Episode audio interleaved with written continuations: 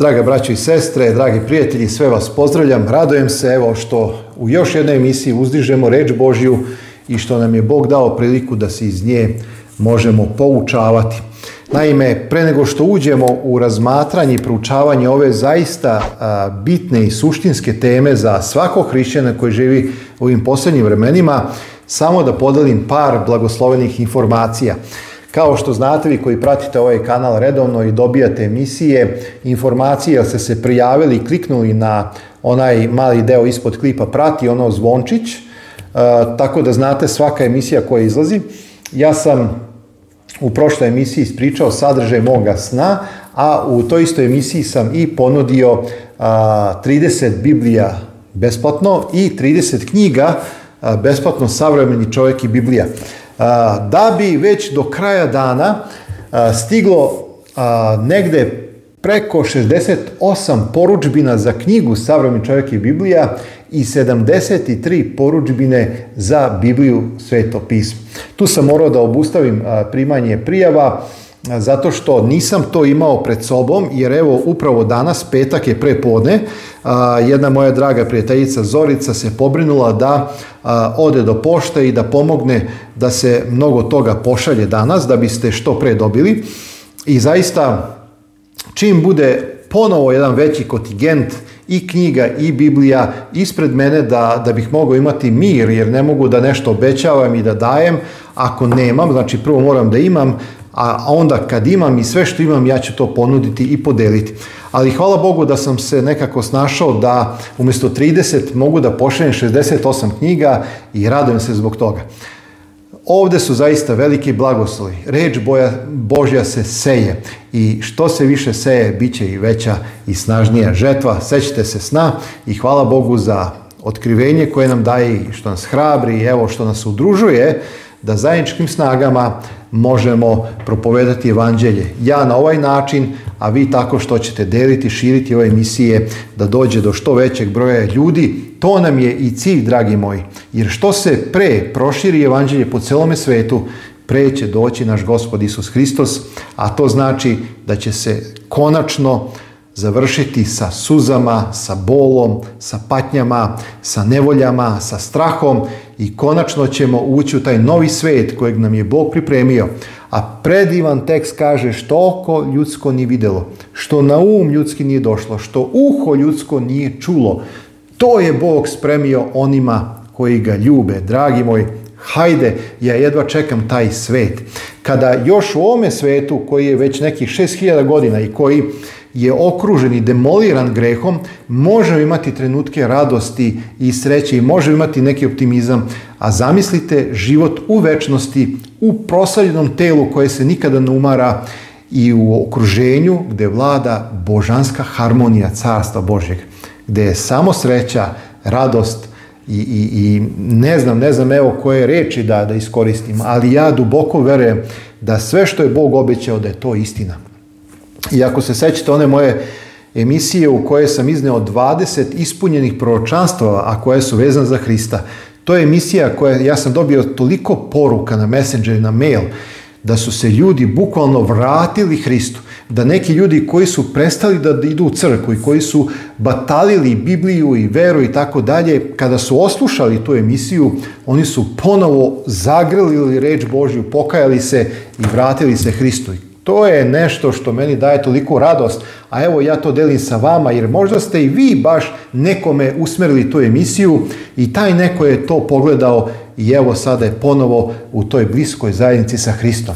Pa to je, dragi moji, smisao svega ovoga što mi radimo i hvala Bogu za sve, hvala vama za podršku i hvala vam što evo na neki način u toj relaciji ja mogu biti ohrabren i da dobijem snagu, da idemo napred i da ne prestajemo. Znači, nema nazad, moramo ići samo napred. E sada, ovo proučavanje koje sam pripremio bazira se na evanđelju po Jovanu 17. poglavlju, ali svakako ja ću to mnogo više proširiti, ali osnovne misli je i fantastične misli istine izrekao naš gospod Isus Hristos.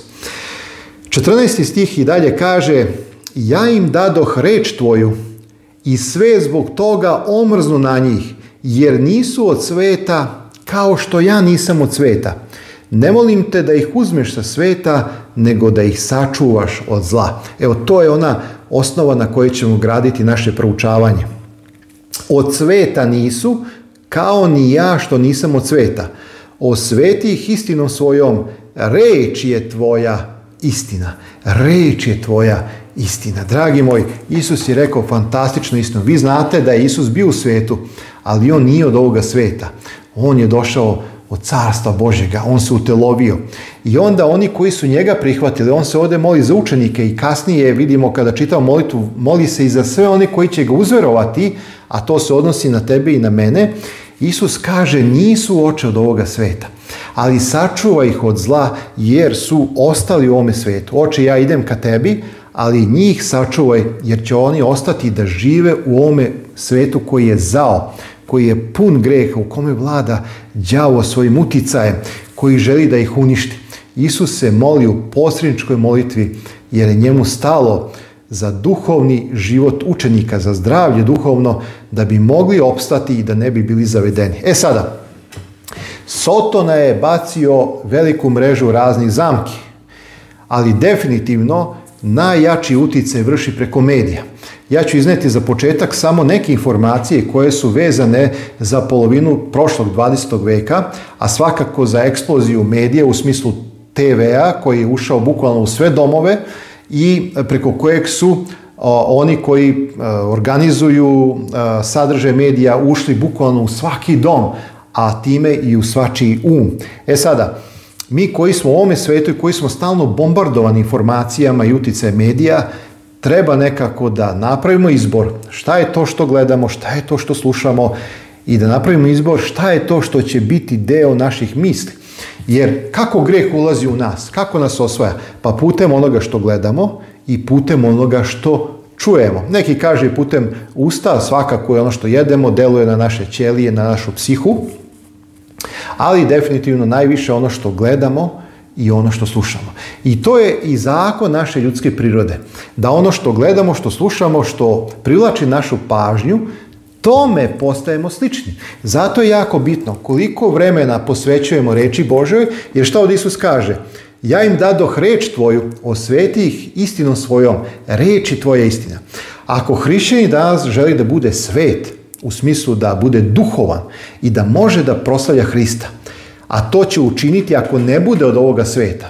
Jer e, kako može da proslavlja Hrista ako se svakoga dana napaja budalaštinama, nemoralnim sadržajem, ako sluša određene stvari i ako e, dozvoljava da to opseda njegov um, onda on tome postaje slični. Kako će biti sličan Hristu? Vidite, evo, to je samo jedna mala digresija i to je ono što Isus daje ovome tekstu, a evo ja želim kroz malo šire proučavanje to da pojasnimo.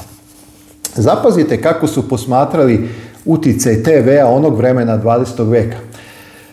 Televizija je anestetik za patnju modernog sveta. Znači, s jedne strane postoji jedan realan svet u kome čovjek pati, a televizija mu dođe kao neki anestetik, malo da ga odvuče u neku drugu priču. Zatim Igor Mandić, jedan autor, pre više decenije rekao TV je glavna dadilja novih generacija, njihov pedagog i utočište, štaka njihove mladosti. TV je zamena za dedu i baku koji sada sa unucima provode beskrene sate pred ekranom. I zaista ima na stotine, na hiljade e, tekstova koji upozoravaju na poguban uticaj medija i sadržaja koji se plasira preko TV ekrana, a danas je TV mali pimpek u odnosu na ono što čovjek može da gleda i do čega čovjek može da dođe svojim izborom. Nekada smo imali prva dva kanala, 90. godina, sećam se, uveo se i treći kanal i tako dalje i onda ono što nam oni serviraju mi to gledamo. A danas je još gora opcija jer čovjek može sam da izabere šta će da gleda, u tom smislu može da ukuca ono što ga interesuje i da gleda ono što ga zanima. I tu postoji zaista velika opasnost jer mediji danas nude užasne stvari, užasne stvari, dragi moji. Ali hajde da, da idemo jednim redom, hajde da uzmemo jednu biblijsku osnovu, da vidimo koliko je važno a, stanovnište, gdje je usmeren tvoj i moj pogled, šta je to što privlači našu pažnju. Recimo, Biblija od prvih stranica upozorava na to da pazimo šta gledamo. Vidite, Eva se zagledala u plod za koji je Bog rekao da ga ne gleda, da ne prilazi, da ga ne dira i tako dalje. Prvo Mojsijeva treća glava šesti stih. Ahan svaljuje prokleso na celu izraelsku vojsku tako što mu je na pogled dopala jedna sjajna odeća i zlato iz Jerihona. Isus Navin, 7. glava, 20. i 21. stih. Recimo, hajde da uzmemo primjer cara Davida koji se u jednom trenutku sa svoje terase zagleda u onu kupačicu, onu ženu koja je bila supruga Urije Heteina i onda sa njom čini preljub, uzima je za ženu, a Uriju Heteina onako, da kažemo, svirepo ubija, indirektno, je li tako? On je isplanirao njegovu ubistvu. Druga Samuilova, 11. glava, od 2 do 4. Zatim Isus je rekao da je oko, ljudsko oko sveća telu i da treba da pazimo da ta sveća ne izgubi svoj sjaj, da ona ne izgubi svoju svetlost. Matej 7.23 ili recimo Pavle kaže oči vašega srca, Efecima 1. glava 18. stih i uči nas da su naše oči i naše srce uzajamno povezani. Jer ono što propustimo kroz naše oči definitivno oblikuje i naše srce, a to je simbol da tako naše karaktera i našeg bića. Zapazite, Evanđelje po Jovanu, Jovan upozorava da ono što se nalazi u svetu jeste želja očiju. U stvari nije Evanđelje po Jovanu, nego prva Jovanova druga glava 16. stih. Znači sve što je na svetu je želja očiju. Zašto? Pa mi smo grešni, a ovaj svet je e, carstvo greha i prosto grešnu osobu privlače grešne strasti i želje ovoga sveta. Ovu veliku prastaru istinu i rekao je Jov, patrijah Jov, kada kaže da je učinio savez ili dogovor sa svojim očima da neće sa požudom gledati na devicu ili na devojku. Jov, 31. glava, prvi stih. Ili recimo sam Isus nadovezuje se na Jovu odluku u Mateju 5. glavi 27. i 28. stiha gdje govori o grehu preljube učinjenog već na samom pogledu u srcu e, ljudskom. Kroz, znači, požudu, kroz gledanje. Znači, šta je to što ti i ja kao hrišćani posljednjeg vremena, hrišćani koji se spremamo za susret za to novo nebo, novu zemlju, novo carstvo koje je diametralno suprotno od ovoga carstva greha i zla u kojem sada, nažalost, još uvijek živimo. Ja sam već naveo neke primjere koji potvrđuju koliko na nas snažno deluje ono što gledamo. Šta je to što recimo u toku dana pogledamo i kakav je sadržaj onoga što gledamo. Recimo ja sam često u početku se borio sa time više u zadnje vremeni ne gledam ništa, sem evo što snimam ovo i što čitam knjige i to pismo i što imam lepe razgovore s nekim mojim prijateljima. ili ako nešto okači na Facebook, što je opet duhovnog karaktera i tako dalje.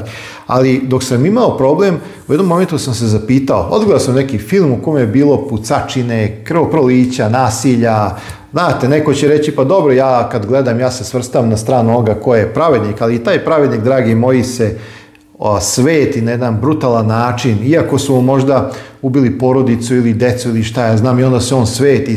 Ti si sada stao na stranu nemilosrednog osvetnika koji e, čini ubistvo mnogo žešća nego što su možda ubili njegovu porodicu. Tako da to nema nikakve veze sa pravdom, sa hrišćanstvom, e, jer ipak tu se mi napajamo sa scenama koje su pune nemorala, krvoprolića, osvete. Tako da evo, samo jedna mala digresija. I da se vratim na moje iskustvo. U jednom trenutku ja sam završio gledanje nekog filma i onda sam otišao da legnem i rekao je da pročitam jedan psalam da se pomolim. ja kažem, gospode, hvala ti za današnji dan, za I onda u jednom momentu za vrijeme. Pa čekaj, ja sam dva sata, dva sata sam proveo gledajući neki tamo bez veze film. Kako je sad da se zahvalim Bogu? Našto da mu se zahvalim? Što sam gledao neki film koji me obuzeo svojim nekim teškim emocijama, slikama, ubistvima, krvoprolića. I onda sam shvatio, e, Zoki, pa ti koji se spremaš za carstvo Božje, pa zašto ti još uvijek privlači sadržaj takvog filma? Znate, i onda sam malo počeo da razmišljam, rekao sam, čekaj, zašto to mene privlači? Zašto ja volim to da gledam? Pa ako se ja gadim na takve neke stvari, recimo, da li bi ja nekada to učinio? Pa ne bi. A zašto onda gledam? Zašto dozvoljavam da moje vrijeme ide u tom pravcu da gledam neke stvari i da slušam sadržaj određenih filmova, a sam se tome protivim? A zašto me to još uvijek privlači? Kako mogu da dozvolim sebi da odvojim toliko vremena za takav sadržaj, a vamo čitam Bibliju, propovedam i tako dalje. I hvala Bogu što zadnjih godina zaista me Bog oslobodio toga i hvala Bogu što evo u zadnje vrijeme sve svoje vrijeme koje imam slobodno, pored svih svojih obaveza vezane za moju drugu službu i druge obaveze koje radim, mogu da dam u ovom pravcu, da propovedem evanđelje, da se hrabrimo i da govorim evo iskreno i o mojim problemima, ali i o pobedama u ime Isusa Hrista i silom njegovom. Čovjek ne može to sam pobediti, da se razumemo. To radi Duh Sveti u čoveku, kada čovjek svestan da to nije dobro i kada traži pomoć. Ok, evo samo još nekoliko lepih misli. Uh, mnogi autori koji su proučavali uh, ove stvari kažu da mediji stvaraju tupa osjeća, osjećanja, da čovjek postaje neupotrebljiv, da postaje nezainteresovan za realnost, da zbog mnogih scena nemorala, ubistava, osveta i mnogih drugih stvari koje su sadrže u filmovima ili u medijima uopšte e, čini da čovjek postaje neosjetljiv. A kad je u pitanju e, kulturološka propaganda, čini se da jednostavno e, malo možemo dati doprinosa jer smo paralisani, jer smo blazirani, jer smo tupeli. I danas zaista ljudi preko medija i, i ova politika može da radi s nama šta hoće, jer ljudi se slabo više i bore za neke prave vrednosti i za ono što je zaista visoko u Božim očima. Evo, neki autori su samo naveli koji su štetni efekti gledanja. Pazite, ovo je tekst iz 85. godine e, prošlog veka, znači druga polovina 20. veka. Zapazite koliko je bilo naučnika i ljudi koji su se bavili proučavanjem lošeg utjecaja TV-a onog vremena na ljude. A mi to možemo primijeniti na mnogu širu sliku, uzimajući danas sve medije u obzir kao što internet i tako dalje. Kaže, mediji čine da postanemo fizički i intelektualno lenji. Jedan autor je naveo neko svoje istraživanje u razgovorima sa određenim mladim osobama koji nisu mogli završiti fakultete, između ostalog pitao ih je koliko ste dnevno provodili vremena ispred malog ekrana. Oni su rekli prosječno između 4 i 6 sati i on je došao do zaključka da osoba koja provodi mnogo vremena ispred malog ekrana, ispred medija, ne može nikada završiti fakultet, to je pokazalo njegovo istraživanje, jer ljudi a, razmišljaju sve na percepciji slike, a ne mogu više abstraktno razmišljati, ne mogu da memorišu i ne mogu da ponove ono što su zapamtili, jer njihov mozak je ulenjen. Evo, samo ukratko, jedna od loših manifestacija gledanja medija. Zatim, mediji čine da izgubimo svoju intelektualnu oštrinu i kritično prosuđivanje. Malo je danas ljudi koji kritički nastupaju u tom smislu da evoluiraju život u kojem žive ili sadržaj. Prosto navikli smo da sve primamo i postali smo kao jedna velika kanta za smeće kada dozvoljavamo da sve to bukvalno smeće koje ima danas u medijima se sipa u naš um i onda onda se čudimo što se desilo ovo, kako je mogu krvno da uradi ono, kako se širi ovo ili ono, kako je onaj mogao da ubije onu decu, kako je mogao da ukrade, kako su mogli da prodaje organe. I onda mi tako, pa eto zašto? Pa zato što nas neko uči. A mediji je najveći učitelj danas. Zaista, ako slušate izjave satanističkog svešnika, a, Kroli, ali ne znam tamo još ko je davno izjavio, Pitali su ga u jednom intervju, vi mrzite hrišćanstvo? On je rekao da. I vi se borite protiv utjecaja hrišćanstva? On je rekao da, da, to je naš cilj. Mi želimo da, da umrtvimo i da smanjimo na što veći mogući minimum uticaj hrišćanstva. A kako to najbolje postižete? A onda je on govorio preko TV-a. Mi preko TV-a činimo da hrišćanstvo danas bude mrtvo, da bude umrtljeno, da bude samo formalno. Ulazimo u svači dom, ulazimo u svačije misli i kreiramo sadržaj koji mi želimo. Alo, ja kažem sebi, Zoki, pa nećeš to više dopustiti. Tada sam se ja otreznio kada sam poslušao taj intervju. Evo, zato to delim sa vama. Zatim, e, mediji čine da postanemo emocionalno tupi. Sve je zabava, razbi briga, znate, s jedne strane poplave, zemljotresi, haos se stvara, oni puštaju tamo neke zabavne emisije, kao da živimo u dva paralelna sveta, umjesto da se celo čovečanstvo usmeri na rješavanje patnji i problema. Znate, u jednom momentu puste neke teške vesti, srušio se avion, poginulo 200 ljudi, udario tsunami, došli zemljotresi, a onda odjednom neke pevaljke se pojavi i neka zabava. Pa čekaj, ajde da vidimo, da, da malo razmišljamo o tim vestima, da vidimo šta se to dešava. Evo, to su, dragi moji, problemi. TV doprinosi gubitku osjećaja za moralnost, Nedavno sam ušao u jednu knjižaru i pitam, ajde molim vas u pretraživač ukucajte, interesuje me da li imate nešto na temu morala, hrišćanske etike i tako dalje. A on, onako počeo se smeje. Preko pa gospodine, šta je smešno? Pa kaže, ko još razmišlja o moralu? Alo, ja kažem, Bože dragi, pa ja kažem, jeste vi hrišćani? On kaže, pa ja sam hrišćan. Pa kako onda, rekao, tako razmišljate, gospodine? Pa ako ste hrišćani, zar nećete biti zainteresni za etiku, za moral, za barem ono što uči Biblija o moralu? Pa kaže, koga to interesuje? I on opet po svome. Ja kažem, dobro, dobro, ajde samo vi vidite da li imam. Ma kaže, nema. Kako je rekao moguće da tolika knjižara nema ništa o moralu, etici? Pa kaže, gospodine, pa vidite da to nikog ne interesuje. ja onako izađem i bila je preko puta, bio je preko puta neki kafić, sve, i otišao sam tamo, seo i naručim da mi se iscedi malo grejfa onako i, i, i naranđe da se opustim. Jer sam bio šokiran. Šokiran. Kako ljudi razmišljaju. A ovo nije usamljen slučaj. Ovako mnogi razmišljaju.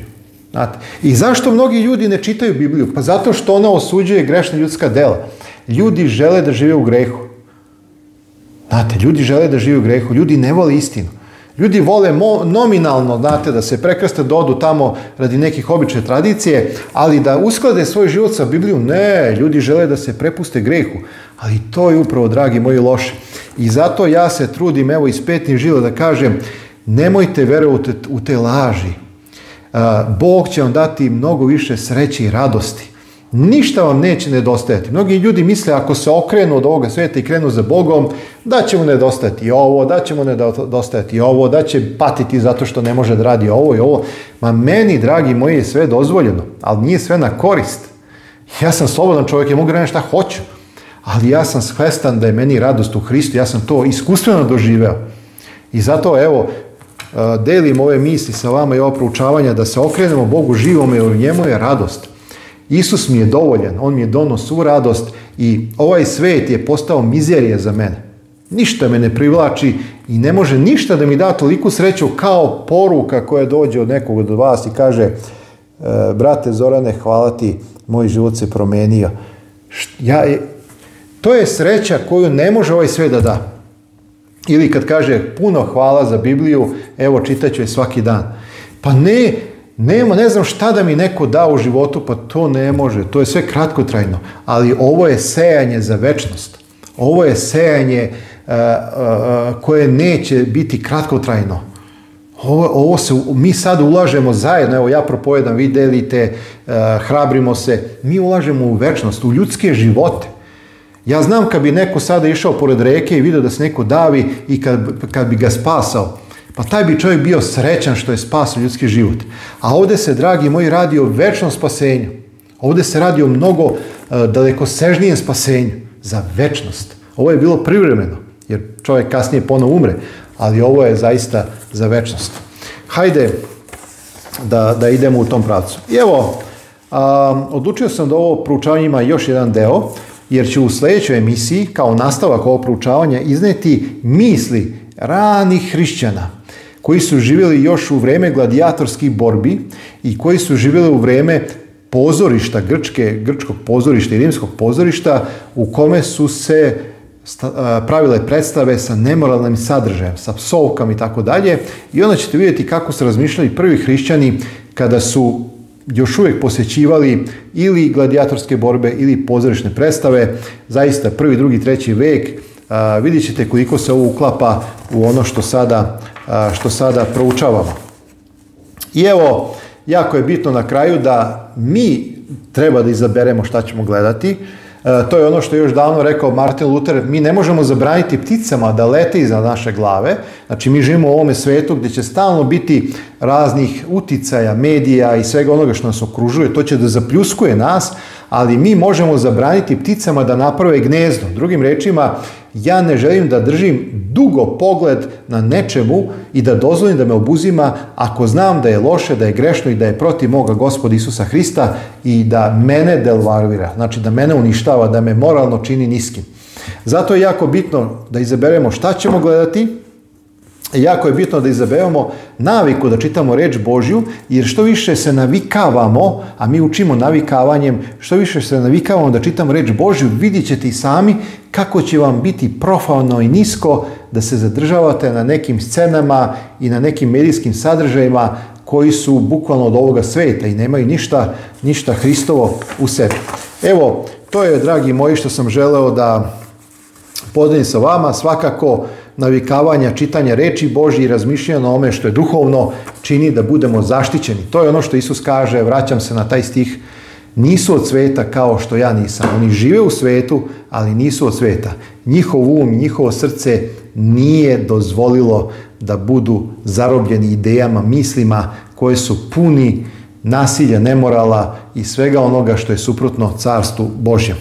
Evo za kraj kaže jedan autor, potrebno je da naš um natopimo reči Božjom i da dozvolimo toj reči da oblikuje naše razmišljanje, ponašanje i ceo život. Psalmista stoga kaže, u srce svoje zatvorio sam reč tvoju da ti ne grešim. Psalam 119. 11. Hajde zaista da i mi u naša srca zatvorimo reč Božju, da mu ne grešimo, nego da ga proslavljamo i da se hrabrimo. Ovo je za mene izuzetno važna tema jer sam bio u mnogim kućama, bio sam u mnogim mestima i video zaista i u nekim razgovorima da mnogi hrišćani i dalje prepuštaju se uticaju medija i ne razmišljaju mnogo da će to doneti zaista teške posljedice, da će to oblikovati njihov karakter koji neće moći naslijediti carstvo boži. A, sve vas pozdravljam, vidimo se brzo u sljedećoj emisiji u ovoj seriji Poslednje vremena gdje ću izneti a, iskustva i razmišljanja prvih hrišćana i vidjeti kako su oni razmišljali slično kao i mi danas što razmišljamo da treba da pazimo šta gledamo i šta slušamo. A, pokušat ću danas da završim još jednu temu, a vezana je za tumačenje otkrivenja, da obradimo poruku vernog svedoka koji je uputio, svakako reče Isusu Hristu, koji je uputio poruku Pergamskoj crkvi i vidit ćemo koliko je kompromis koji je vezan za period ove crkve pogubniji, mnogo pogubniji nego što je bilo progonstvo u vreme Smirne. Progonstvo se nikad nije ni završilo, ali je đavo odlučio da koristi jednu drugu taktiku da bi uništio ili da bi oslabio hrišćansku crkvu. Uskoro se vidimo, svako vam dobro želim.